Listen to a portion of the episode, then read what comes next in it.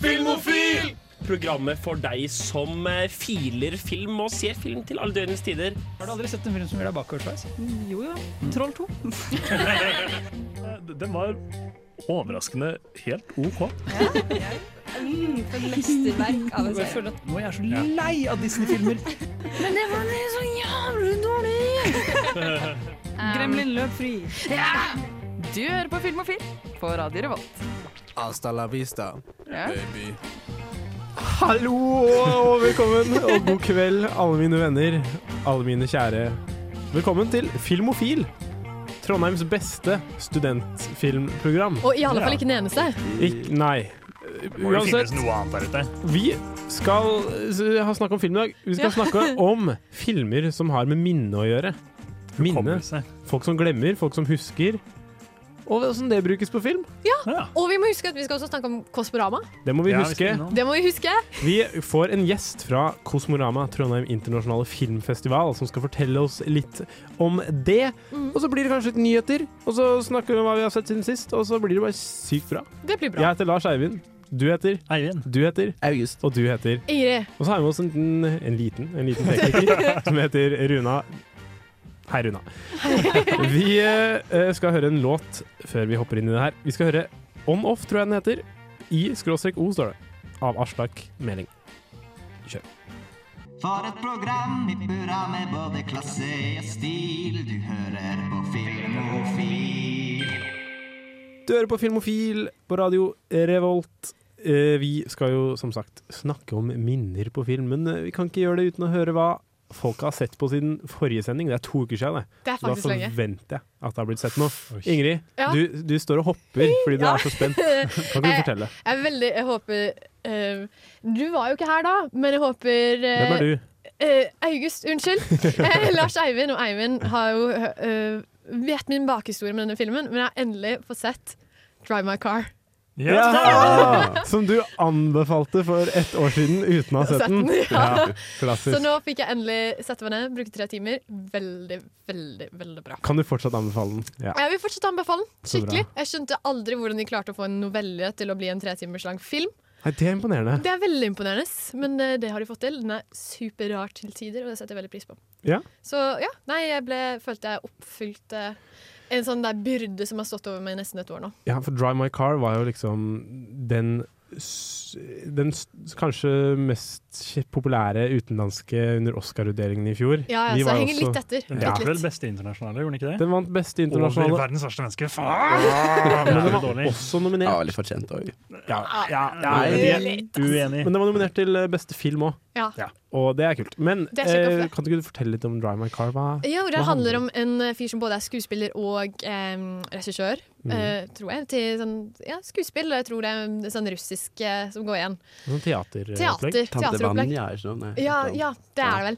Um, han, det starter med at han har en litt sånn eh, kone Han har en kone som er litt eh, Kanskje ikke det helt ekteskapsforholdet man forventa. Hun har noen ting hun Hun begynner å ligger med en ung fyr! det er blant annet. Og hun Ja. uh, liker å fortelle historier etter sex, og så husker hun ikke når hun våkner dagen etterpå, så han må drive og følge med. Og den historien hun forteller, er veldig wack. Stemmer. Hun daua, da. Ja. Eh, og så kjører han rundt i en bil uh, til et annet sted i Japan og begynner der med rare skuespillere og gammel bakhistorie. Kanskje til og med en unge mann som kona pulte. Jeg vet ikke. Ja, ja, ja. Han spiller i det stykket hans, eller noe sånt. Men jeg vet ikke om du får vite om det faktisk er det. Jeg tror det er Og jo da, fordi han, sånn, han avslutter jo den historien hun forteller etter sex. Og ja. det er bare kun etter sex. Så Det når, det her var spoiling til de grader. Yes. Eh, men takk for meg. Men han kjører jo en flott bil som han ikke vil at noen andre skal kjøre, men så får han en sjåfør, Ja. og så bonder de litt. Og Det så til slutt så røyker de inn i bilen, og det er veldig hyggelig. For Det det er- får er egentlig ikke lov til. Ja, for da, tar de ikke, da, da blir de litt frie igjen. Merker det er litt vanskelig å snakke om hva filmen handler om, egentlig. Men det er tre timer lang. fint. Du klarte å spoile nesten den hele nå. Ja, nesten. Men det er ett år for seint, altså. Unnskyld. Tap, tapere. Ja. Og så må jeg bare skyte inn at jeg har sett eh, The Bear-serien. Åh, Ja, den var har jeg prøvd. Den var bra! Dritbra. To veldig ulike ting jeg har å rapportere om i dag. Kaos kokkeserie. Kjempegod. Nydelig spilt. Eh, fikk lågt, måtte skippe mye. Ja. ja, ja.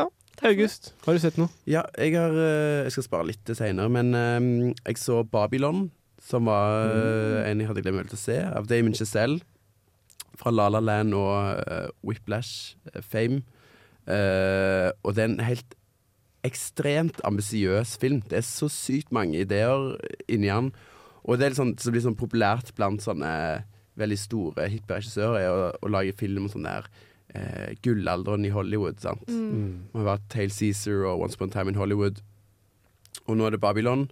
Og den var Det skal premieres for at den var så ambisiøs, men jeg syns det, det lukta litt sånn der vanity-prosjekt. Sånn at den ikke hadde noen nei-mennesker rundt seg.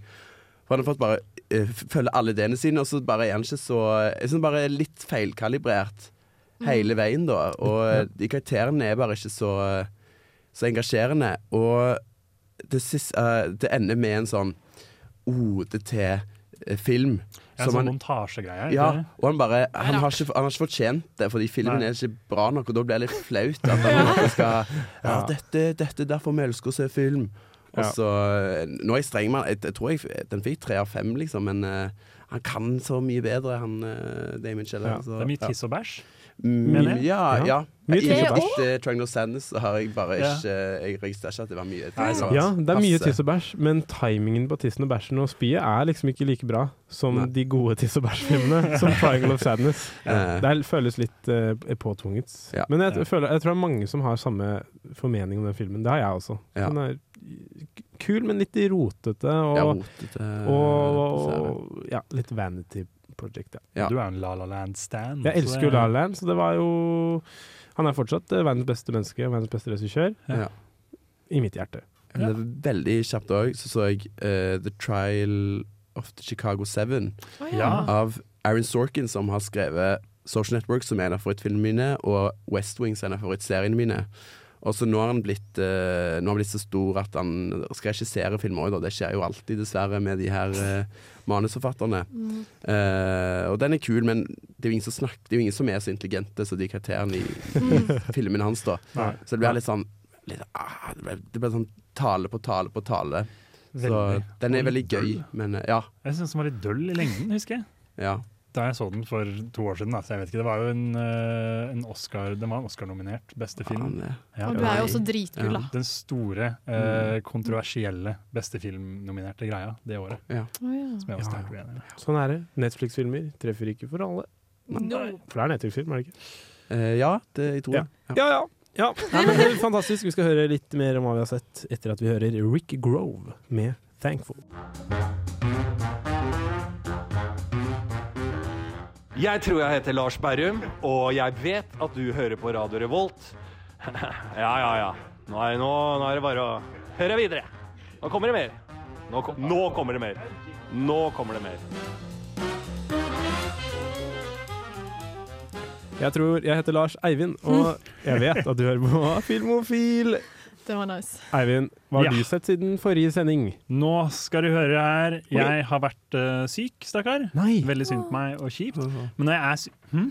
Lo du? Nei, det var Jeg visste takk. Lol, du var syk. Ja, jeg var, uh, når jeg blir syk, så blir jeg sånn at jeg bare ligger hjemme i senga mi. Det må man jo. Men da gjør jeg det i lang tid etter jeg har vært syk òg, for jeg blir så vant til det. Mm. Uh, og så greier jeg ikke å se på filmer, fordi det krever for mye av meg. Så jeg ser bare på Adam Sandler-ting og sånn. Eller så ser jeg på TV. Og det har jeg gjort. Jeg så Er ikke Adam Sandler-ting filmer? Jo, men de telles ikke helt. Jeg, jeg backer den logikken. Jeg kan spille der. Gardenscapes mens jeg ser på. Ja, da er det ikke det samme. Skjønner. Men jeg kjøpte meg Discovery Plus, og det var kjempetabbe. Så nå har jeg bare sett på sånn norsk sånn kjendis-reality-drit i kjempelang tid. sånn Paradise Hotel og sånt? Nei, Jeg ikke såpass. jeg så på Kongen befaler hele lørdag. Ja, jeg har brukt faen meg en uke på å bare se på Kongen befaler. Så jeg har sett Erlend og Steinar hjelper deg. Kjempegøy. Kjør meg til OL sesong 1 og 2. Kjempegøy. Alltid beredt. Undervurdert. Og Kongen befaler sesong 1 til 3. Kjempegøy. Kos meg gløgg som faen. Eh, Kan man si det på Filmofil-luften? Oh, ja da. Da? det er Kan man TV. name-droppe norske Eh, Realityserier? TV er TV. Men jeg skaffet meg er Discovery er Plus for å se den Erlend og Steinar hjelper deg, og så hadde jeg plutselig Discovery Plus, og da var det på en måte, da måtte jeg bare bruke det for det det var verdt. Mm. Uh, men utover det så var jeg på Cinemateket på søndagen og så Tatt av vinden. Oi! Det var jo dualistisk. En eh, god fire timers eh, sørstatspropagandamaskin. Helt konge, bortsett fra propagandaen, da. Men Men det var, det var koselig. Det var masse gamle damer i salen som uh, gikk uh, i intermission, for det ble for langt for dem, stakkar. Uh, og så var det meg og min gode venn Jonas som satt og koste oss med en sånn veldig sånn melodramatisk kjærlighetshistorie av den verste personen i hele verden. Som Oi, Altså The eh, Art? Nei, han Hun Nei, hun dama, ja. Ja, hun Var dama, helt bitch. grusom. Ja, hun var skikkelig Scarlett bitch. O'Hara. Ja, hun var helt fryktelig. Eh, men jeg fikk jo sympati for henne på en eller annen måte, selv om hun var kjempelei seg for å ikke ha slaver på den måten hun ville lenger. og sånn. Eh, Stakkars så det var litt eh, krøll der. Eh, bra film. Ikke, ikke liksom en av de beste filmene noensinne type bra, syns jeg. Den ser helt utrolig ut. Jeg òg er veldig Faen svak for den den peneste filmen jeg har sett i mitt Det er vel den filmen som har solgt mest kinobilletter noensinne gjennom tidene. Fordi de relanserte den i Kina for noen år siden. Ja. Den faktaen der bare satt med. Ja, jeg satt med den. Men jeg tror med inflasjon så tror jeg den er ganske sånn stødig på topp ennå, altså. Ja. Ja. Ja. Avatar troner Avatar er med meg. uh, men så er også Workmeister Harmonies av Bellatar faen meg helt fantastisk utrolig dritbra. Superduper bra. Yippee! Ja. Så det er anbefalingen. jeg Workmeister Harmonies. Ja, bra. Jeg, jeg sa jippi igjen. og Du jippi. Min tur! Min tur! Jeg har sett en film som jeg vet at Eivind har et forhold til. Oi! Jeg har sett Marcel the Shell with shoes on. Jeg har så lyst til å se den! Ja, for det er jo, det har jo vært en masse kortfilmer som Ja. nå eh, i 2021 ble en langfilm. Og den ligger på Jeg leide den på SF Anytime, min favorittstreamingtjeneste.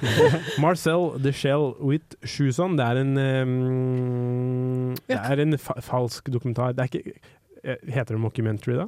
Ja, Jeg, det jeg vet blir jo ikke. det. Uansett. Med Jenny Slate. Det handler om en, eh, det er en fyr som heter Dean. Det er også han som har laga filmen. Han heter Mm. Dean Fleischer Camp. Uh, han, uh, han er en dokumentarfilmskaper som har gjort det slutt med dama si, og så bor han på en Airbnb. Men det er ikke bare han som bor der. Han oppdager at der bor også et lite Kjell Hæ? med et øye og sko på, som heter Marcel. Derfor heter filmen 'Marcel the Shell with shoes on'. Og det er faen meg er det? verdens koseligste skjell. Den har ett stort øye, og så har den, Ja. den har så søt stemme. Han har, det er det! Det er helt Den er, fucka. ja, Men er det albueskjell, liksom?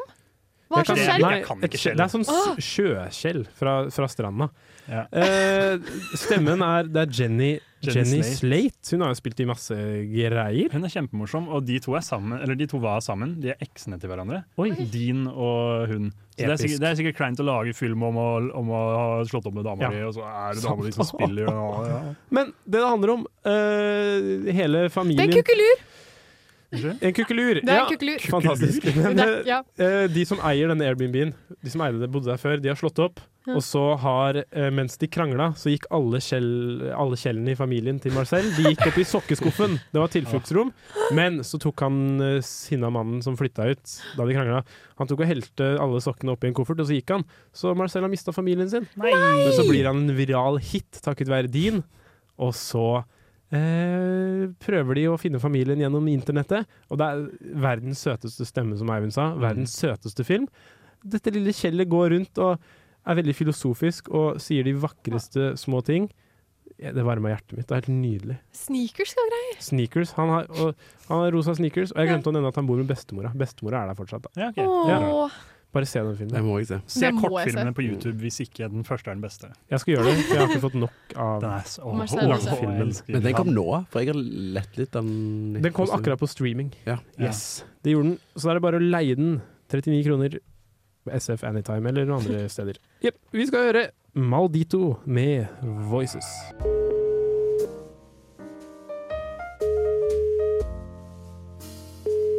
Hei, dette er Hilde, mammaen til Ingrid. Den filmen som jeg har funnet inspirasjon til i foreldrerollen, er filmen 'Life is Beautiful'. Og du hører på Filmofile. Stemmer. Takk, mamma til Ingrid. Ja. Ja, takk. Vi eh, skal introdusere dagens tema kjapt før vi hører en låt og hopper ut i det. Vi skal snakke om minner på film. Da, for det, det har Vi har liksom prøvd å ramse opp da minner i film. Hva, hvilke, hvilke filmer er det som bruker minner som virkemiddel? Og det er jo masse. Det er science fiction, det er drama, Ja. det er eh, en ny Krim? krim. Veldig menneskelig ting. Veldig menneskelig ting å glemme og Ja. huske noen ganger. Det høres kanskje rart ut, men vi er eksperter på temaet, vi skal, uh, vi skal uh, gi deg masse, masse, masse kult om det. Og så skal vi snakke om Aftersun, som er en eh, kjempebra film som akkurat kom ut. Og så er inspirasjonen litt for temaet òg, egentlig. Ja, ja sant. Ja. Ja, bra at du sa det. Fikk meg på riktig track. Men vi må jo høre en låt. Uh, vi skal høre Naga Siren med In The Clouds. Eh, Hei, det her er Dag Johan Haugerud. Jeg heter Torbjørn Harr. Og jeg heter Yngve Sæther. Jeg heter Jan Gunnar Røise. Og du hører på Filmofil! Du hører på Filmofil. Er det lov å nevne kjapt, eller at jeg hadde en uh, liten prat med Dag Jan Haugerud forrige helg? Ja, Det er lov. om det? Gikk kjempebra. Han er kjempehyggelig. I løpet av min Filmofil-karriere har jeg møtt og intervjuet tre regissører, og jeg kan fortelle at norske regissører er de snilleste. Er Kjempehyggelig. Ja. Jeg er glad i alle sammen. Snakka en del før filmen, så så vi Barn. Og det som var interessant, var at uh, første gang jeg så Barn Ja, du likte den jo ikke i det hele tatt. Vi krangla jo om det. vi krangla litt om det, så så jeg den i en uh, annen setting. Denne, da var den ganske alvorlig, og jeg var litt bakis og sånn. Denne gangen så så jeg den uh, sammen med andre studenter. Det var ikke så mange, da, på klubben på Samfunnet. Mhm. Og filmen var vel overraskende morsom. Folk flira som bare det. Det er mye morsomt den filmen. Det er jo barnedød. Det er morsomt. Ja, Er det, hva? det er barnedød, men det er Ja, en del humor Ja, det jeg har jo boikotta den i hodet mitt. Snakka med, Ja. spurte Høgre om det. Mye interessant å si om det. Eh, trivelig fyr. Jeg likte den, likte den litt bedre denne gangen. Ja. Jeg er ikke, ikke biased. Og ikke bare fordi at han satt der, og du turte ikke å like den. Eller ikke like den. Nei, jeg likte den bedre. ok. Fortsatt ikke en perfekt film, men jeg likte den bedre. Hukommelse er en rar ting. Uansett, det var eh, det jeg ville si om det. Hukommelse skal vi snakke om. eh, når vi snakker hukommelse på film, så er det lett å tenke på science fiction-filmer. Mm. Jeg tenker sånn Aller først så tenker jeg på Men in Black og den fine lille pennen Å de ja, har. Ja, Ja. Ja, Jeg eh, prøvde å se den da jeg var syk, men så greide jeg det ikke, så jeg så klikk isteden. Det ble Ja. for mye action i Men in Black. du- ja, det er svær gullfisk der på et tidspunkt. Det er for, det er for vanskelig. Ja, det var Ja, men det er bare en, bit, liten greie i en av stor film. Men eh, det første jeg tenker på etter den, det er uh, Eternal Sunshine of the Spotless Ja. Mind. For det er en film på en måte satt i Det er ikke sånn veldig spektakulær science fiction. Det er jo satt i virkeligheten, men det er jo med Jim Carrey og Kate Winslet som uh, finner en service som kan uh, Et firma som kan slette minnene dine. Er det Ja. ikke noe sånn? Mm, Ja. Jeg så den i går, faktisk. Oi! Sånn, eh, oppladning. Ja. Uh, Eternal Sunshine er jo litt sånn Jeg føler en av de første filmene man finner på sånne topplister fra etter 2000-tallet når man begynner å bli interessert i film. Ja, ja. Og så er det skrevet av Charlie Kaufman, som er eh, veldig sånn der kompromissløs, eh, liksom kult eh, manusforfatter. Han har også blitt regissør. Ja. Eh, ja. Mm. Eh, veldig, mye, veldig mange sånn ikke spesielt likbare karakterer i filmene hans. Mm. Ja. Han er veldig bra til å lage liksom der Det er han som også har lagd I Think of Ending Things, ikke sant? Ja. Det er Mm. også litt hukommelse, ekkelhet Mm. i den. Han har skrevet masse bra, altså, og uh, Being John Malkovich. Ti av ti. Yep, adaptation 10 av 10. Så vi har jo prøvd å lage litt forskjellige kategorier av hukommelse, da, siden vi innså hvor utrolig mange filmer som har det som et tema. da. Mm. Og uh, jeg syns Eternal Sunshine uh, skiller seg litt ut, fordi det er mye sånn high concept, hard sci-fi òg. Mhm. Hvor hukommelse er et virkemiddel, mens Eternal Sunshine er jo en film som handler om relasjoner, og så er det litt sånn tilfeldig at det er et sci-fi-film. Sånn, Mm. Det er jo ingenting Det har ikke hjemme i den verden som den filmen er, utenom liksom akkurat at det blir brukt for å fortelle om et forhold som går til oppløsning. da. Mm. Ja. Eh, veldig intim, personlig film. Jeg er veldig glad i. Det er dritglad i den. Mm. Det er en veldig sånn film jeg så da jeg var ung, for jeg ville bli into film. Mm. Og så har jeg ikke turt å si den siden, for jeg var så redd for at den ikke skulle holde seg. Og så jeg den i går eller i forgårs. Kjempebra! Kjempebra. konge. Jeg så den uh, første gang med uh, min kjæreste, og jeg var sånn det her er dramafilm, og det er bare grinefilm. Det her gidder jeg ikke, og så var den så dritgod! Mm. Falt helt bladask, og det er sånn film jeg aldri hadde sett selv, fordi jeg vet den hadde tatt på. Jeg liker det kjempegodt når de har med en sånn veldig usannsynlig ting som et selskap som kan slette Mm. minnet ditt om én spesifikk person. Ja. Mm. Uh, litt sånn som det bare, det bare funker selv om det er så rart. Det er liksom i, i Mm. Get Out, den store twisten her. Helt sånn totalt usannsynlige ting Spiller ingen rolle, for det funker så godt i det universet. Det er vel det Coffman gjør ofte, er det ikke det? At han har en Jo. liten sånn rar greie i en ellers vanlig verden. Ja, en Det idé som bare spinner liksom Ja. ja, Mm. opp Men ned. finnes det noe annet sci-fi Ja, jeg eh, Apropos det med litt sånn hardere sci-fi, så er jo Blade Runner var Ja. en film som jeg, fra min ungdom som jeg er veldig glad i. Eh, det er jo ikke så gjennomgående, men hovedkarakteren der, hun er jo en robot, viser det seg, som har fått implementert minner. da. Ja. Så handler det om eh, at hun skal måte innse det sjøl, da. Sånn, hva er forskjellen på mennesker og, og, eh, og liksom roboter hvis de har fått implementert minner. Ja. Uh, og Total Recall, som er en sånn Arne Schwarzenegger, super sånn litt sånn goofy, klisjéfylt sci-fi-film som også er veldig bra. Ja, Og så uh. Mr. Nobody. Ja. Mr. Nobody. Mm. det er med han eh, Jared Leto, som er gammel mann. Ja, Han er kul. Jeg har ikke sett den, men uh, skjønte at det handler om en gammel mann som det, det handler om Altså, han kunne velge tre ulike veier i livet sitt, og så mimrer han tilbake på disse tre veiene. Ja. Og det er fucked. Det fucka med mitt hode. Du er altså After, hva heter den? Afterlife? Den derre Nei, ikke Will Den uh, Nei. Gervais. Gervais. Nei. Det er en uh, Koreda-film, mener jeg, om Mm. eh, noen folk som kommer liksom til purgatory og skal videre til himmelen, eller et eller annet Oi, sånt. Så kan de velge seg ett minne fra livet sitt som de skal ta med seg, og må gjenleve resten av evigheten. Som høres jævlig bra ut. Jeg har den på Blu-ray, har ikke Ja. sett den. Første gang jeg spiser lakris. Spiderman, No Way Home. Nå kommer det en spoiler. Peter Parker. Han, alle på hele jorden glemmer han. Takket være Doctor Strange. Det er Det- er fucked. Er en. Ja, hukommelse Det er stor del i alt mulig rart. Jeg, synes, jeg føler vi kommer til å komme på mer og mer. Men Ja. eh, det finnes i hvert fall i science fiction. Det er det ingen tvil om. Vi skal snakke litt mer om den mørkere siden av det, gamliser som glemmer og sånn. Etter at vi hører litt musikk. Vi skal høre Marte Eberson med 'Blood On My'. Hei, jeg heter Trude Jorvik Normen, og jeg er mor til August Nordmølster. Eh, og min favorittfilm er eh, eh, Betty Blue, 37,2 grader om morgenen. August. Moren din. ja, det var var moren din. Nice. Takk til mamma. Takk, mamma. Hun hørtes ut som hadde en fest i bakgrunnen. Veldig kul dame. Ja, fordi hun mm. driver en eh, restaurant eller. Hun driver en restaurant. Oi, der sto The Garden i Stavanger. Gå og besøk den. Yes. Ja.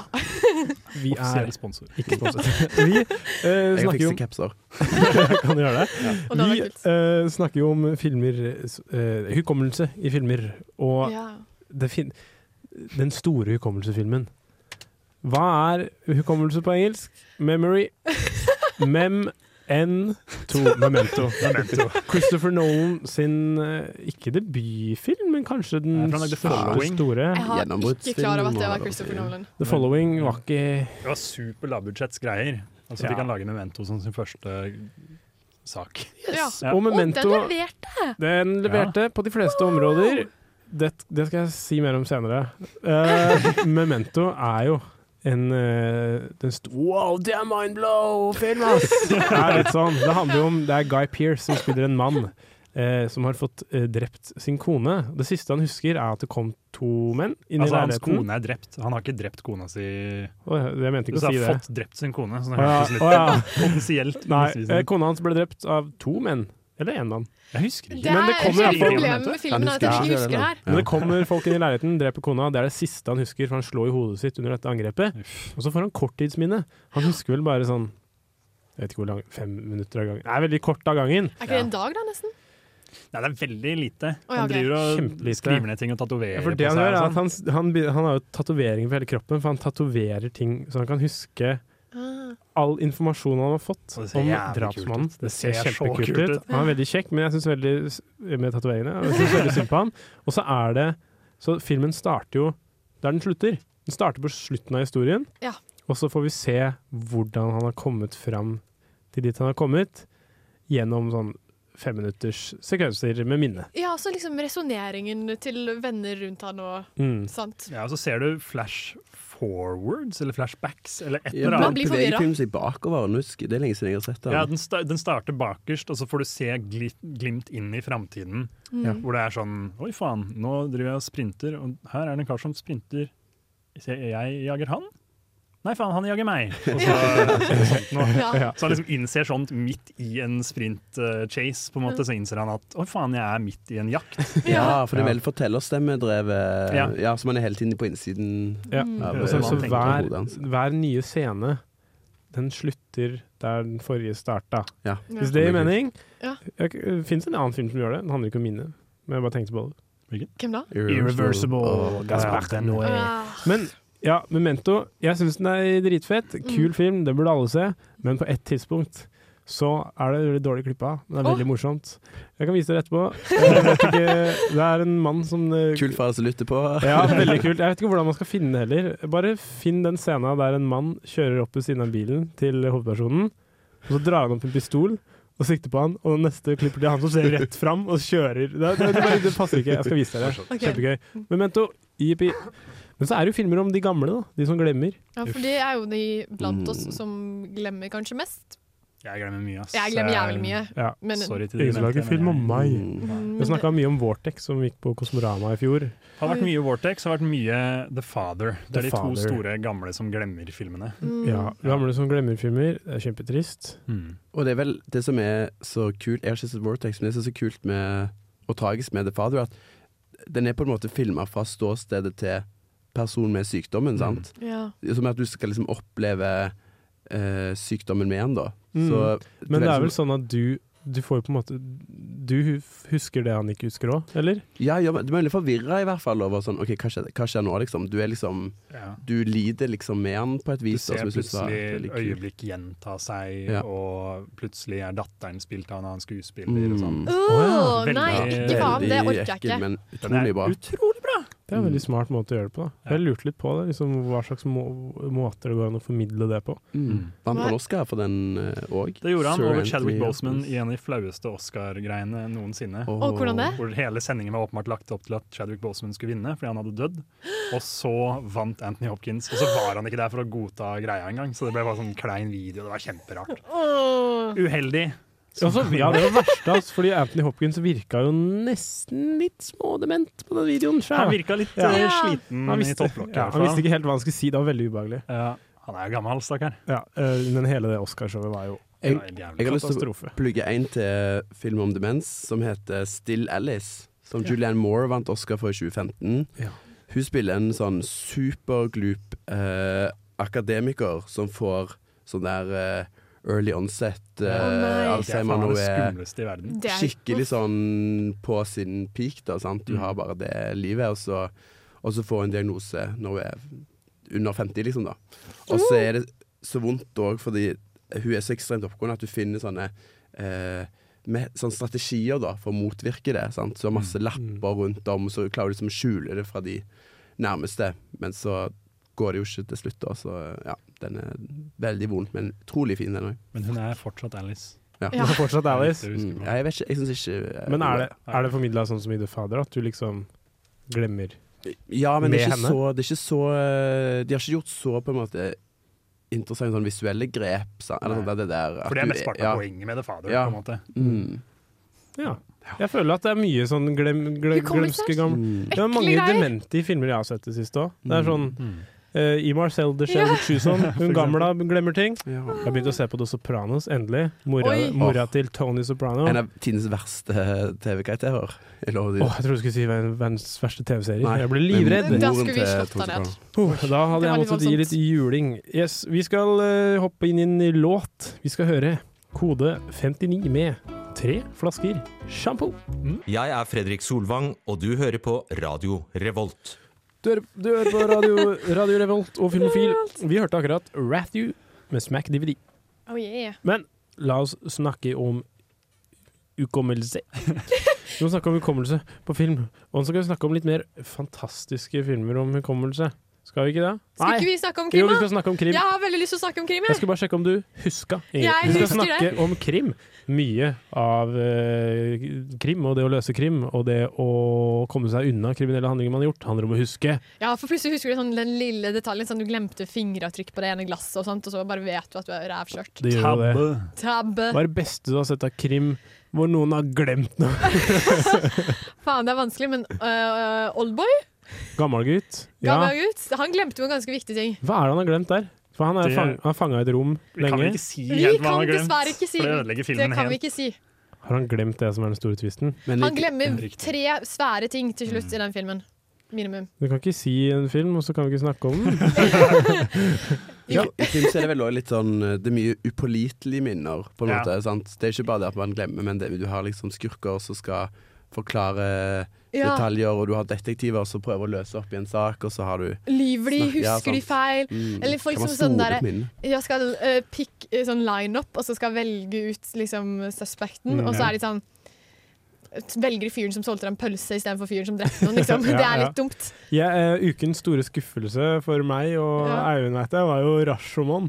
Ja. Altså, Akira Kurosawa, som er sånn veldig anerkjent film for den Nummer én på alle sånn hukommelsesfilmer! ja, ja, den står bak den store Rashomon-effekten, som har et eller annet med hvordan Masse forskjellige karakterer folk- husker ting forskjellig. Ja. Husker samme situasjon forskjellig. Men hva, er, hva handler det om? Er det japansk? Det handler om en fyr som har vært ute i skogen og gjort baluba, da, drept og voldtatt og sånn. Og så er det fire stykker som, eh, eller noe sånt, som forteller om det her i et slags avhør. Ja. Men de, de, de husker ikke feil, de bare ljuger, de. De bare ljuger, og det er, alle er sånn wow, det viser the human mind, og hva, hvordan det kan kødde. Og så er det bare sånn åpenbart folk som er sånn ja faen, jeg har jo ikke lyst til å bli tatt, liksom. Jeg bare sier at det var han som gjorde Å, det. det er Det er jo ikke glemming. Det er ikke gøy. Fuck deg, Kurosawa! Ja, Oh yeah, baby. enig. Ja. Eh, Så det, da, da vi legger den, vi legger den død, som Ja. han Jon Almaas sier. Du sikkert- Rashomon er ikke en- Du kjenner sikkert Jon Almaas, du som har sett på reality. Å, han er så kjekk og sjarmerende. Ja. Herregud. Men eh, ja, Rashomon-effekten finnes ikke lenger. Eh, Ja. Men ja, så, jeg vil trekke fram en krim som, hvor hovedpoenget er hva en fyr ikke husker. Ja. Det er The Night Off med Riz Ahmed, som var Mm. en av de ganske tidligere greiene hans. Tror det hjalp å gjøre han, gjøre han stor. Jeg bare sier at jeg var der før Riz Ahmed ble kjent. Ja. Uh, The Night Off. Der uh, spiller Riz Ahmed en uh, ung mann i New York som tar taxien til faren sin. De Mm. kjører han litt rundt, og så plukker han opp en fru. Så ender han opp med å bli med henne hjem, og så ruser de seg til hundre og helvete. Og da de våkner, så er dama drept. Vil du ja. time det? Ja. Dama, dama er drept, og eh, Riz Ahmed blir jo tatt for det her. Naturligvis. Men han husker ikke hva som har skjedd. Den er Det kjipere. var utrolig interessant, og en utrolig kinkig situasjon, for hva gjør du hvis du ikke engang vet selv om du har gjort noe eller ikke? Han forsvarer seg selv, selvsagt, og sier at det kunne jeg aldri gjort, men utrolig interessant konsept på en Og så begynne å eh, serie. betvile seg selv. Ja, begynne å betvile seg selv. føler det er nesten motsatt av hva ofte sånne krimmer gjør, som f.eks. dramatisering av Agathe Christie. Så er det sånn der, eh, Hovedpersonen er liksom litt sånn Han er, han er veldig determined til å finne ut noe, og han er litt sånn han, Det er noe byrde der, og til slutt så bare viser det seg at han har bare fortrengt det faktum at han drepte henne, type ting. Ja, Så det er nærmest motsatt, motsatt, Ikke men det sant. føler jeg skjer, skjer veldig ofte. Nei, en annen ting som skjer ofte, som jeg syns er eh, Det er nesten like mye brukt som folk som tar seg store slurker med vin når det er ukomfortabelt ved matbordet. I krim, eh, hvis det har skjedd noe tidligere som de ikke tenker over, men så men så for eksempel i Prisoners, da, når han Jake Gyllenhaal han blir sint, og så kaster han alt av pulten sin. Ja. Og i rotet på gulvet så ser han en liten greie som han plutselig husker fra tidligere. Og så løser det hele saken. Ja. Hvor ofte tror du det skjer? Er Det skjer sånn- meg daglig, ass. Tror du det? Ja, daglig. Skjer det med deg? Med meg personlig daglig. Å ja. Ok, men da legger vi den død også. Ja. vi slutte å hate på Prisoners? Det er Ja, knakende god jeg elsker Prisoners. Jeg Jeg bare tok det fram som et eksempel. Og det skjer hele tiden. Ofte. Ja. Liker det ikke. Jeg har lyst til å dra fram uh, The Usual Suspect, som var en film som blowa minden min da jeg var 14 år. Men det er jo litt det samme eh, Hvis vi utvider det til minner, altså ikke bare dårlig hukommelse, men minner, da kan vi snakke om en sånn upålitelig forteller, på en måte. Og The Usual Suspects handler jo om Verbal Kint. Som er spilt av Kevin Spacey, som er cancela, men um, Eller ikke topp, da. ja, men han forteller liksom uh, Han er stjernevitne, da. Og så tenker jeg at han var bare en sånn eh, nobody på i det sånn der forbryterliga, da. Ja. Eh, så, så filmen er jo detektiven som prøver å nøste opp, og så snakker med Kint, da. Eh, og så er denne veldig kjente, veldig parodierte avslutningen. Man har lov til å spoile sånn 30 år gammel film. og så ser han Han snur seg liksom i kaffekoppen, og så ser han at alle de eh, navnene og liksom detaljene han har gitt, da, de står på liksom skjermen Altså, de står på veggen bak. Ja. Eh, detektiven, så han har stått og sett på da, hele vitneutsagnet. Uh, som er litt sånn lat, lat, latskap av eh, han òg. Eh, Jeg, jeg tolker det mer som at han er bare sånn Jeg er cocky, jeg Ja. kan det her. Fuck det, nå skal jeg bare gjøre en vits. Det er jo det han gjør, ja. Ja. Den, men den, er- den syns jeg er skikkelig kul. Men det er en av de filmene skal få lov til å leve i liksom min 15 år gamle hjerne. Ja. Jeg tror ikke jeg må tilbake og se den igjen. Da. Nei. Men, eh, å se igjen. Men du, Ja. og du spoiler ikke alt. Den har en utrolig kul Ja. twist. Mm. Se den. Kjempekult. Den er- Hvorfor ser du så lost ut, Eivind? på, jeg bare ser på uh, sendingsplanen vår. Sorry. ja, det er greit. Sorry. Jeg lurte på om du kanskje hadde is, glemt ja. noe. Iskald mord, uh, mysterietriller. Ja. Det er det beste. Det er det beste. Ingrid, du elsker uh, drap og sånn. Om jeg gjør. Vi, eh, Unntatt på barn. Unntatt på barn. Ja, da blir jeg bare Barn de fortjener det, de òg, hvis de har gjort noe kjipt. Nei, da blir jeg forbanna. Ja, ja. Jeg prøver å komme på et eksempel på ett barn som fortjente å dø i en film. Uh, åh. Jeg vet oh, er at eh, dør, han, dør han i De uskyldige? For jeg vet jeg har en kompis som er veldig glad for at han ble dytta ned fra den brua, i hvert fall. For han var slem. What the fuck? Han drepte en katt Fuck han. Vi Han skal høre Bad fortjente det. Nei, nei. Nei, jeg har ikke sett det. Det er det verste jeg har hørt. Vi får høre en hyggelig låt da, etter vi snakka om barnedød. Big Bang med 'Another Kind of Lonely'. Hei, jeg er Bente, og jeg er mammaen til Lars Eivind. Mine favorittfilmer er Mamma Mia og Dirty Dancing. Du hører på Filmofil. Det er en kombekombo. Ja, det er nice, fordi deres foreldre hadde sånne snobbefilmer. Mens her er det Mamma Mia og Dirty Det er en mor som tør å være seg sjæl. Ja, Triste nyheter. Mamma Mia uh, ble borte fra Netflix. uh, Nei! første- første mars. Jeg cancel Netflix. Mamma ringte meg etter forrige sending for å si uh, unnskyld for at de fortsatt har Netflix, siden jeg klaga så mye. Ja, ja. Kanskje vi skal snakke litt om hukommelse på film og sånn, da. Vi Ja. snakke om Og nå skal vi snakke om fantastiske filmer. Og drama, er ikke det? Ja. Jo, men vi starter med de fantastiske. Hva er det? Vi har slått sammen to av de kategoriene vi valgte. For den første var jo det der klassiske tropen med en sånn voksen karakter i en film som ser tilbake på livet sitt, liksom. da Ja. Slumdog Millionaire! Fantastisk film. Den så jeg på ungdomsskolen. Det er Den handler jo bare om det å huske og hvordan denne Hvordan en fyr som er med eh, på 'Vil du bli millionær i India' Det er bare en film som viser hvordan han, Hvordan han, hvordan han svare. kan svarene. Ja. Og er- viser det hvert enkelt svar fra barndommen. Er det sånn korrupsjon og sånt, hvor de er sånn 'Hvordan faen kan du svare på alt?' Jo. Du jukser! Ja, Og, de jo, han blir og han er bare sånn Jeg har levd et liv. Ja. Oi, det er et godt argument, da. Det er veldig urealistisk da at man skulle eh, huske alle de svarene. da som Men da har man gullhår i ræva, jeg, jeg kjenner jo de Nei, politimennene. nei, vet du hva? Har du sett uh, The Rehearsal med Nathan Fielder?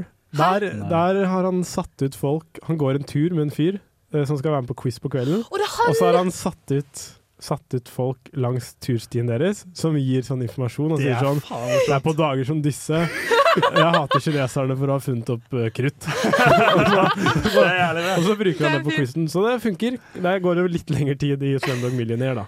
Ja. Kul film. Sånn på ungdomsskolen. Det er sånne ting Veldig folk også sier til meg i parken. Ja. Hva sa den da? Det er sånne ting. Sånne ting folk sier til deg i parken, ja. Ja. Ja, nei, men uh, Er det noen andre fantastiske Ja, jeg har to eh, Jeg har både um, Life of Pi og Big Fish har jeg tatt med. For Og der møter du noen. sånne karakterer som De forteller sånne helt fantastiske historier som på en måte ikke kan stemme. da Det er liksom dyr som eh, oppfører seg på dette og dette Er det der han er på en båt med en tiger? Ja. OK. Og så er jo Og så var jo de dyrene De var jo bare en eh, eh, metafor, sant. For eh, ekte mennesker, sant. Så det er det å bruke mm, Det å pakke inn et liv i liksom litt sånn fantastiske metaforer, da. For å gjøre det mer Mm. spennende, eller for å gjøre det mer eh, tålbart, da. Og, og det gjør eh, Derfor Pai veldig bra.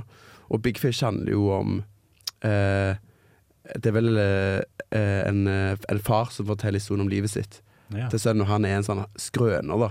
Så sønnen er egentlig ganske sånn irritert, da. Så ser Ja. man liksom at det, intensjonen bak det, da, det var jo på en måte å connecte sant, med familien sin, da. Ja, jeg har en venninne som Faffaren hennes fortalte at uh, han hadde solgt vafler på morgenen, og hun ble bare så pissur. Hvorfor lyve, liksom? da var hun Solgt solgte vafler på morgenen. Ja. Jeg husker hun bare gikk rundt og klagde over han hele tiden. Stakkars fyr. Kunne være litt artig. Ja, det var veldig artig, da. Jeg tror Ja, egentlig hun likte det. Du burde lage en film om det. Ja. Du burde lage en film om det. Er det no flere filmer? Nå er jeg litt lost, altså. Jeg fikk litt lyst til å si Mash. Mash? ja, ja, Serien? Sitcomen fra sånn uh, gode gamle dager.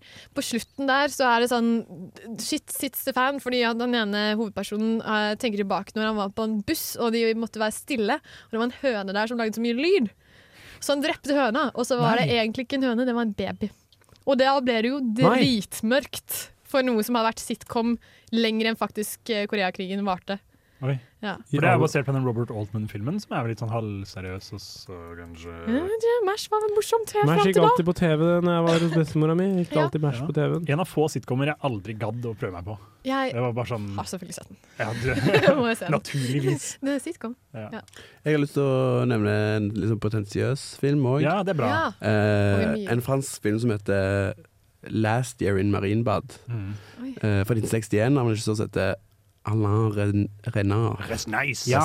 Rest, rest nice. Hiroshima Mon Amour er også ja, litt det sånn jo. Oi, shit! Uh, det handler om Det er en sånn surrealistisk film som handler om uh, en mannlig karakter uh, som ikke har et navn, som går opp til en kvinne da på et sånt luksushotell. Og så sier han at de, de, vi møttes her for et år siden, og da ble vi forelska. Og så skal han liksom gå tilbake og liksom, plager jo litt, da. Sant? Og sånn, Ja, men vi skulle jo Vi ble enige om at vi skulle liksom bli en greie med i år. Ring politiet! Ja, og så er, hun- og så er hun gift, da, så mm, Men det er jo en Det er jo en sånn kunst Det er jo en sånn Arthouse-film, da, sant, så Ja. uh, den har ikke en helt sånn Ring fortsatt vanlig struktur, da. Eh, nei, de hadde, jeg vet ikke om de hadde Det var fasttelefon, i hvert fall. Oh, ja, okay. Ja. Ble det vanskelig? Er det ikke Ja, det. Er det liksom sjekketrikset? Han sier sånn Du husker ikke du at vi skulle gifte oss? Ja, han har sett Before Sunrise, og så har han dikta opp sin egen versjon. Men veldig, veldig vakker film. Veldig, det er sånn drømme, drømmeaktig film Ja. da, som jeg syns er veldig bra. Det er litt gøy. Sånn er Hiroshima Monamoro den eneste jeg har sett av han. Ja. Det er de to filmene man har sett av han. da. Ja. Ja. Jeg måtte Ja. Og den dokumentaren, den derre Ja, Night and Fog, Ja. er han? Ja. Det er han. Allan rest nice sånn er det. Så kanskje, vi- kanskje, kanskje vi skal høre en låt? Hva tenker dere om det? Vi kan høre kan, Kanan eller Kanon med Kanon. Kanon med Amazon. Hei. Dette er Grønne myrer.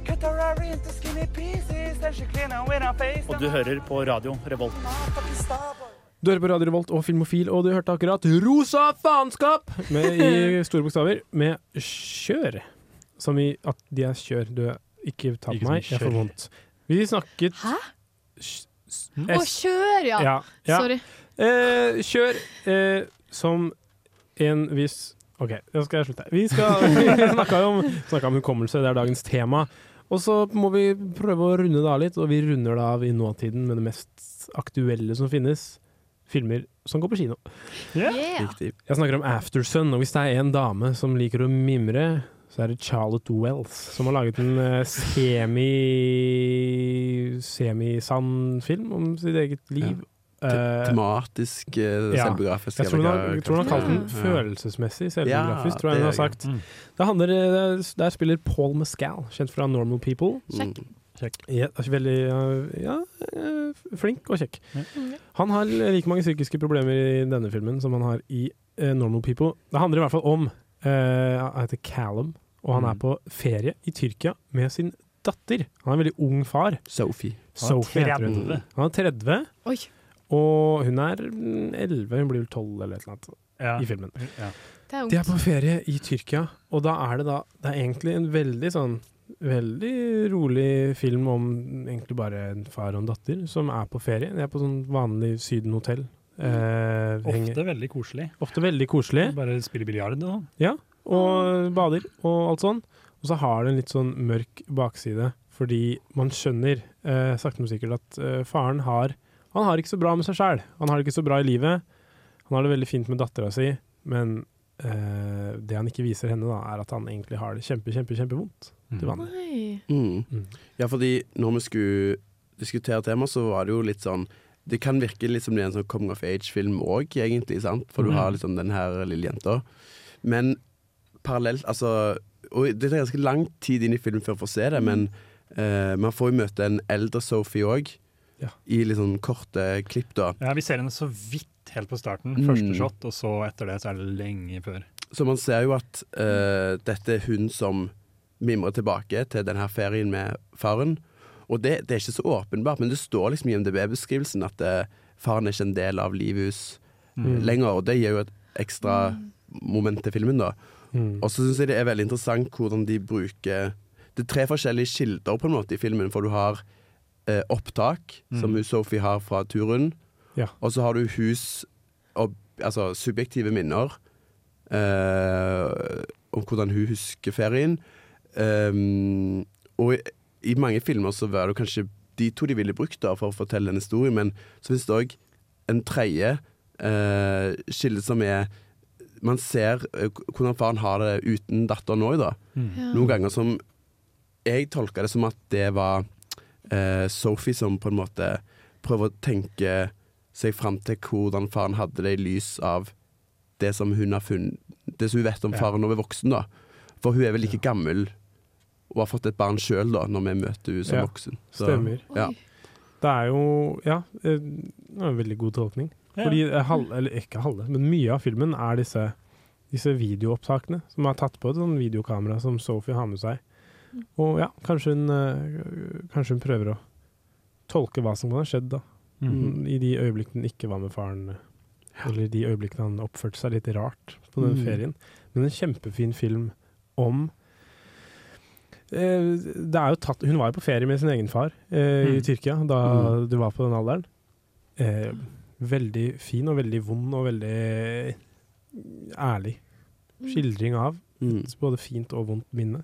Og viser litt også hvordan man kan, liksom, når man blir eldre, innse at foreldre ikke er på en måte, De har det helt konge hele jævla Mm. tida! Og Ja. at det er sånn Å ja, dæven, shit, pappa hadde ikke så dritfett i Tyrkia den gangen. Ja. Alltid! Selv om jeg trodde det, og koste meg. Ja. Da er de liksom superhelter sant? når Ja. man er på den alderen. De får til alt. Og så handler det vel litt om at nå har du, hun nådd den alderen sjøl og er i litt sånn samme livssituasjon. Så du forstår hvor lite kontroll han hadde, på en måte. Mm. Mm. Egentlig, Så den resonnerte helt enormt med meg. Jeg synes, ja. Utrolig fin. Mm. Jeg så den i dag klokka ett på kino. Dra på kino klokka ett på dagen. Helt konge. Masse gamle damer. Er Hyggelig. Tungt, da. Tungt å komme hjem Nei, ja, kanskje men det var fint. hyggelig. Gikk ut, og så regna det, så det passa bra. Ja, det passer bra. Fint. Det Anbefaler den på det aller varmeste, faktisk. Ja. i hvert fall. Ja. Best film jeg har sett i år. Ja. Det er jeg òg. Ingrid, har du sett den? Nei, jeg skal Nei. se den. Da skal vi gjøre det. Vi skal høre en låt. 'Gunerius og verdensveven' med ode til Sunra. Filmofil presenterer nyheter fra filmens og fjernsynets vidstrakte verden. Gå nyhetstanker! Velkommen til nyhetene. Første ny... Oi, det Ja, Det var raskt, det ja. var første nyhet. Jeg, har, jeg skal bare komme med en nyhet. Det er ikke en nyhet, det er bare en kul fun fact. Ja, det er jævlig spennende, ass, for du nevnte det så vidt. Ja, ok. Det er Det er kjempekult. Jeg snakka med Dag Johan Haugerud på eh, Og dette sa han til meg, og så sa han det også foran folket, så det er ikke hemmelig. Okay. Det ville vært rart om det var hemmelig. Men han fortalte meg om den nye trilogien hans som heter 'Sex, drømmer og kjærlighet'. Det er tre filmer Oi. som heter 'Sex, drømmer og så kjærlighet'. Ja. Ja. Uh, uh, den, han skal begynne å filme den i april og kommer vel i 2024 på kino og via Play. Uansett, han fortalte meg at ideen til uh, denne filmtrilogien, den fikk han da han var her på Studentradioen i Trondheim og snakka med en eller annen fyr som sikkert var med i Filmofil før, da. Sannsynligvis Jaran. Jaran. Jaran. Han sa at, han, sa at eh, han snakka med en student som spurte han hvorfor det aldri er noe sex i filmene hans. Og så snakka de om det her i, har bare snakka sammen i en time eller noe om det her. Ja. Og slik starta det. Da dro han og så skrev han en filmtrilogi. Det er faen meg crazy. Shout-out til Filmofil. Filmofil, ass! Ja. Jævlig bra. Kult. Det er kult. Før vår tid, men hvis det var Jaran, vi får høre med Jaran om han husker. Ja. Kult, kult. Yes. Hva mer har vi, da? Baftaene har vært. Ja. Har, du snakka om. Antman. Ant Ja, men det var så dårlig nyhet. Jeg greide ingen nyheter nå! Antman gjorde det dritbra Ant- på kino. Alle digga den, unntatt allmedlerne. Og nå gjør den det dårlig. Quantumania ja, den gjør det dårlig. Det er en av de uh, verst performende uh, Marvel-filmene noensinne. Men folk liker den. Eh, gjør de det, da? Gjør de Folk, det? Ja, jeg, leste, jeg leste at folk digga den, men Ja, anmelderne den. det er veldig lett å si da når du ser på kommentarfeltet på Facebook. I Hvordan- MCU hvorfor an- fan Antar du at jeg har sett det? Nei, leste men jeg. Leste jeg. Nei, nei, men basert på eh, dårlig popkulturjournalistikk i USA. Okay. på en måte. Hvor mange Antmaner er det nå? Tre Tre. Det er altfor mange. For jeg for være har utelukkende hørt kjempenegative ting om den nye Ant-Man. Ja. jeg har sett uh, morsomme bilder fra den som ser, ser hysterisk ut. For det er så dårlige effekter. Det er helt crazy. Yes. Ja, Men får- sånn er det. No offense til Ant-Man. Kan jeg også komme Jeg vet ikke om det her er en nyhet, eller bare, det her er bare en observasjon fra min side. Nå skal det komme en ny film om Tetris. Ja. Ja, med Taron Egerton. Ja. Det trengte vi. Og så den Men det skal handle om folka som lagde Tetris. da Det er ikke, sånn, det er ikke satt i Tetris-universet. Nei, det hadde vært Han skal spille en, hadde- han skal spille en firkant. Han skal spille den der rette streken som alle håper på. Ja. Og så skal det også komme en film om et videospill, horrorspill, altså den derre Dead by Daylight. Jeg føler, har man gått Er ikke det bare en skrekkfilm? Nei, det er en skrekkvideospill som ja, ja. blir en skrekkfilm. Ja, ja, jeg vet, men liksom, blir ikke det bare en Film? Hvordan lager, ja, hvordan lager de film ut av det? De har jo gjort blir med bare- Resident Evil og Silent Hill. Ja, men Det sånn. er jo sånn, det er sånn multiplayer-spill der fire stykker skal gjemme seg, og så er det en som skal være morderen og lete etter deg. Det er som en slasher. Dette er, det er ikke noen Ah! spesielle karakterer eller noe, så vidt jeg vet. Nei. Ja, det suger jo. Ja, ja, det er sant. Jeg skjønner ikke hvordan man skal lage film om Tetris heller. Så jeg bare føler Har man bare funnet ut at Last of Us var Det var gøy! Det er min nyhet. Takk det er for meg. Helt OK. Det. det kommer jo Super Mario-film, og det kommer det, det er litt sånn her, det er litt eh, filmer om uh, spill for tida? Ja. generelt. Er Uncharted kom jo- Sikkert etter at The Witcher gjorde det bra, eller sånt, så var det sånn faen, vi må ta alt. Ta Yes. alt Men The Last of Us er desidert den som har gjort det best, virker det som. da Det virker bra. Jeg har ikke sett det ennå. Nei, det er ok. Som sagt, litt kjedelig når du har spilt spillet, for du veit hva som skjer. Bortsett fra episode tre. Ut, ja, bortsett fra episode tre. Det har alle fått med seg. Ja. Og så Pedro Pascal. Han er så daddy. Oh. ja. ja. Hvis ikke noen har en nyhet nå, Jeg har ikke noe mer. så, Jeg så går jeg fra vettet. Men det skjer Det er litt sånn stille for stormen, føler jeg. Ja, det skjer for meg ingenting. De eneste nyhetene jeg finner, er sånn Woody Harroldson var antivaksine Ja, på ja. SNL. OK.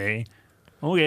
Han er er jo gæren, han. Er ikke han gæren fra før, da? Jo, han er gæren. Han røyker hasj. Han røyker hasj. og Det er ikke lov. Det er ikke lov. Det må du holde deg for god for, Woody. Gæren!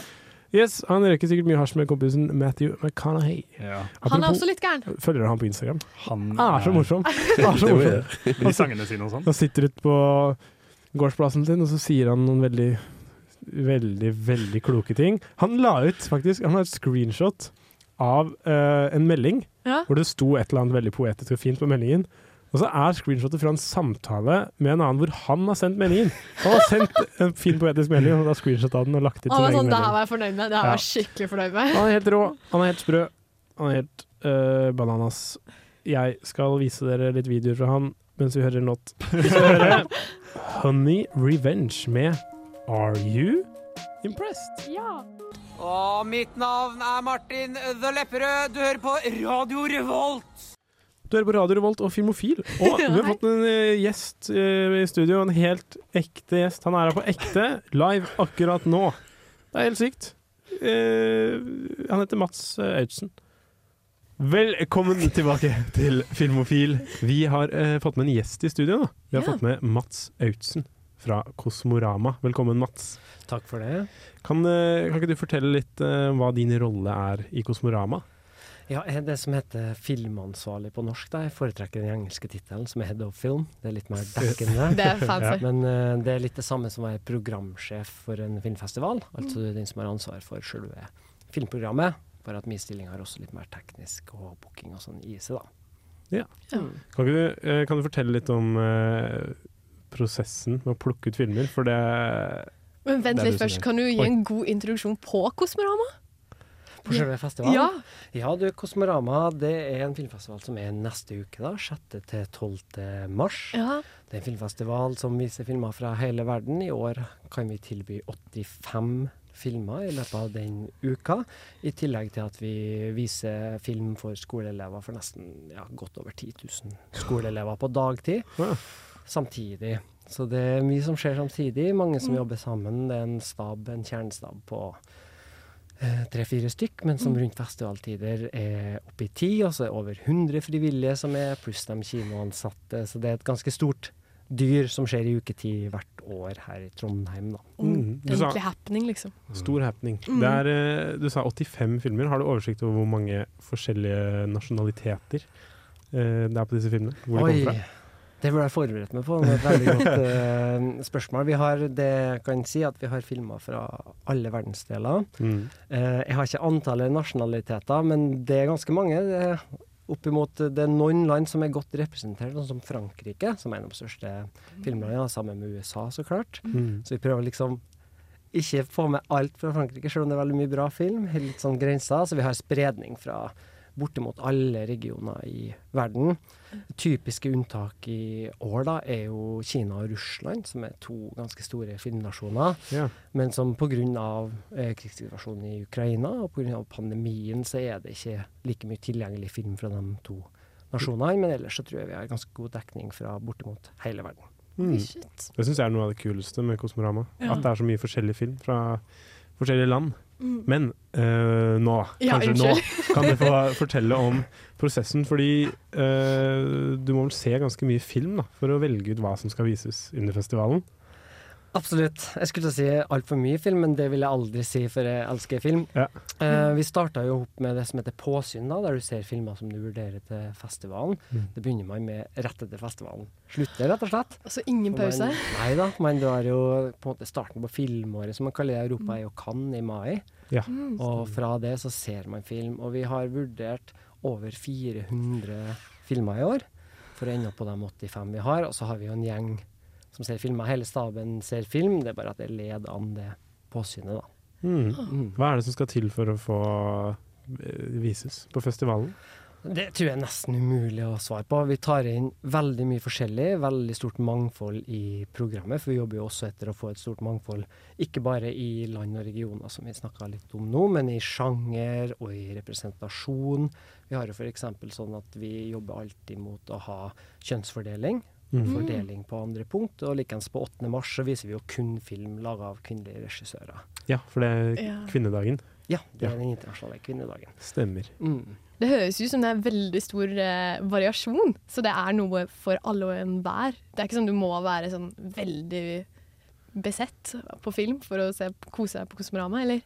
Absolutt ikke. Det var bra Ja. du sa, for det er faktisk den linja jeg bruker å si at vi har noe for alle og enhver. Ja. Og det er samme om du å gå på festival for å se én film, Mm. om du vil komme dit for å kjøpe klippkort og se ti filmer, eller om du er en gærning som går og ser 40 filmer. da. Jeg har aldri nådd den rekorden. En kompis har med greid 44 i løpet av ei uke. Oi. Oi, oi, Eh, oi, oi. Da skal du jobbe litt, da. Ja, for- tenkt, da tar du deg fri fra jobb, og du kjører på hele dagen. Ja, for Eivind, du har vel Filmofil-rekorden? Ja, jeg trodde det var mye med sånn 25 eller hva det er. Ja. Det er tydeligvis bare rookie numbers. Ja, da må vi oppe gamet i år, altså. Ja, jeg har ikke mer enn 33 heller i løpet av mine år, så Men uh, bra jobba lell, det, altså. Og som sagt, absolutt alle er velkommen. Ja. Og jeg tror vi har noe for enhver smak i programmet. Det er også designa av på en måte en programjury som er veldig ulik. Ja. Både i hvilken bakgrunn vi har, eh, med ulik ja, også både sosial og på en måte utdanningsbakgrunn og alt, fordi vi vil ha et mest mulig variert program Ja. med nettopp, som du sa,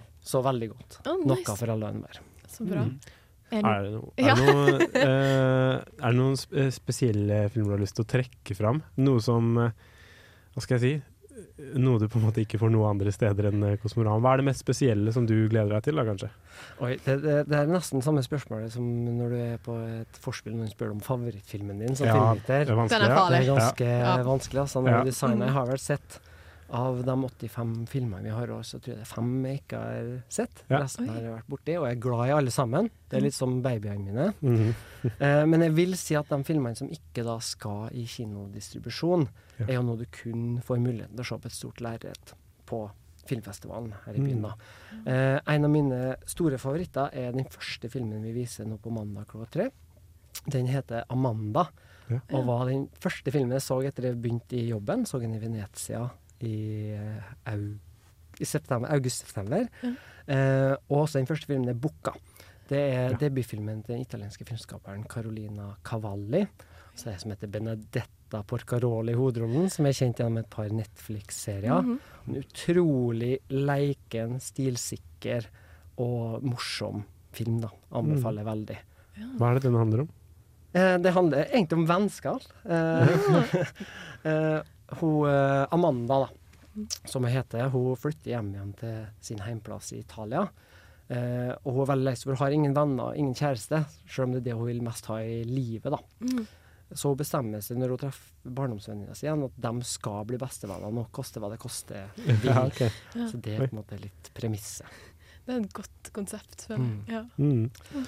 Jeg må stikke inn en til da, i samme Ja, sjangeren ja. der. Kjør på. Eh, også en av de første filmene jeg fikk inn og krangla litt for å få inn på programmet. Ja. Det er en film som heter Piaf. Ja. Også en debutfilm som er i vårt eh, konkurranseprogram sammen med Amanda. Eh, det kan jeg nå si i bisetninga at konkurranseprogrammet til Kosmorama er jo for nye regissører. Mm. Der det er ti filmer inne, og åtte av dem er debutfilmer, mens to av dem er den andre spillefilmen. Da. De konkurrerer om både en premie og litt uh, forskjellig. Men der har vi en film som heter Piaf. Ja. Det var det jeg skulle si. uh, eh, den er på liksom, kontoret kjent som Hestejentefilmen.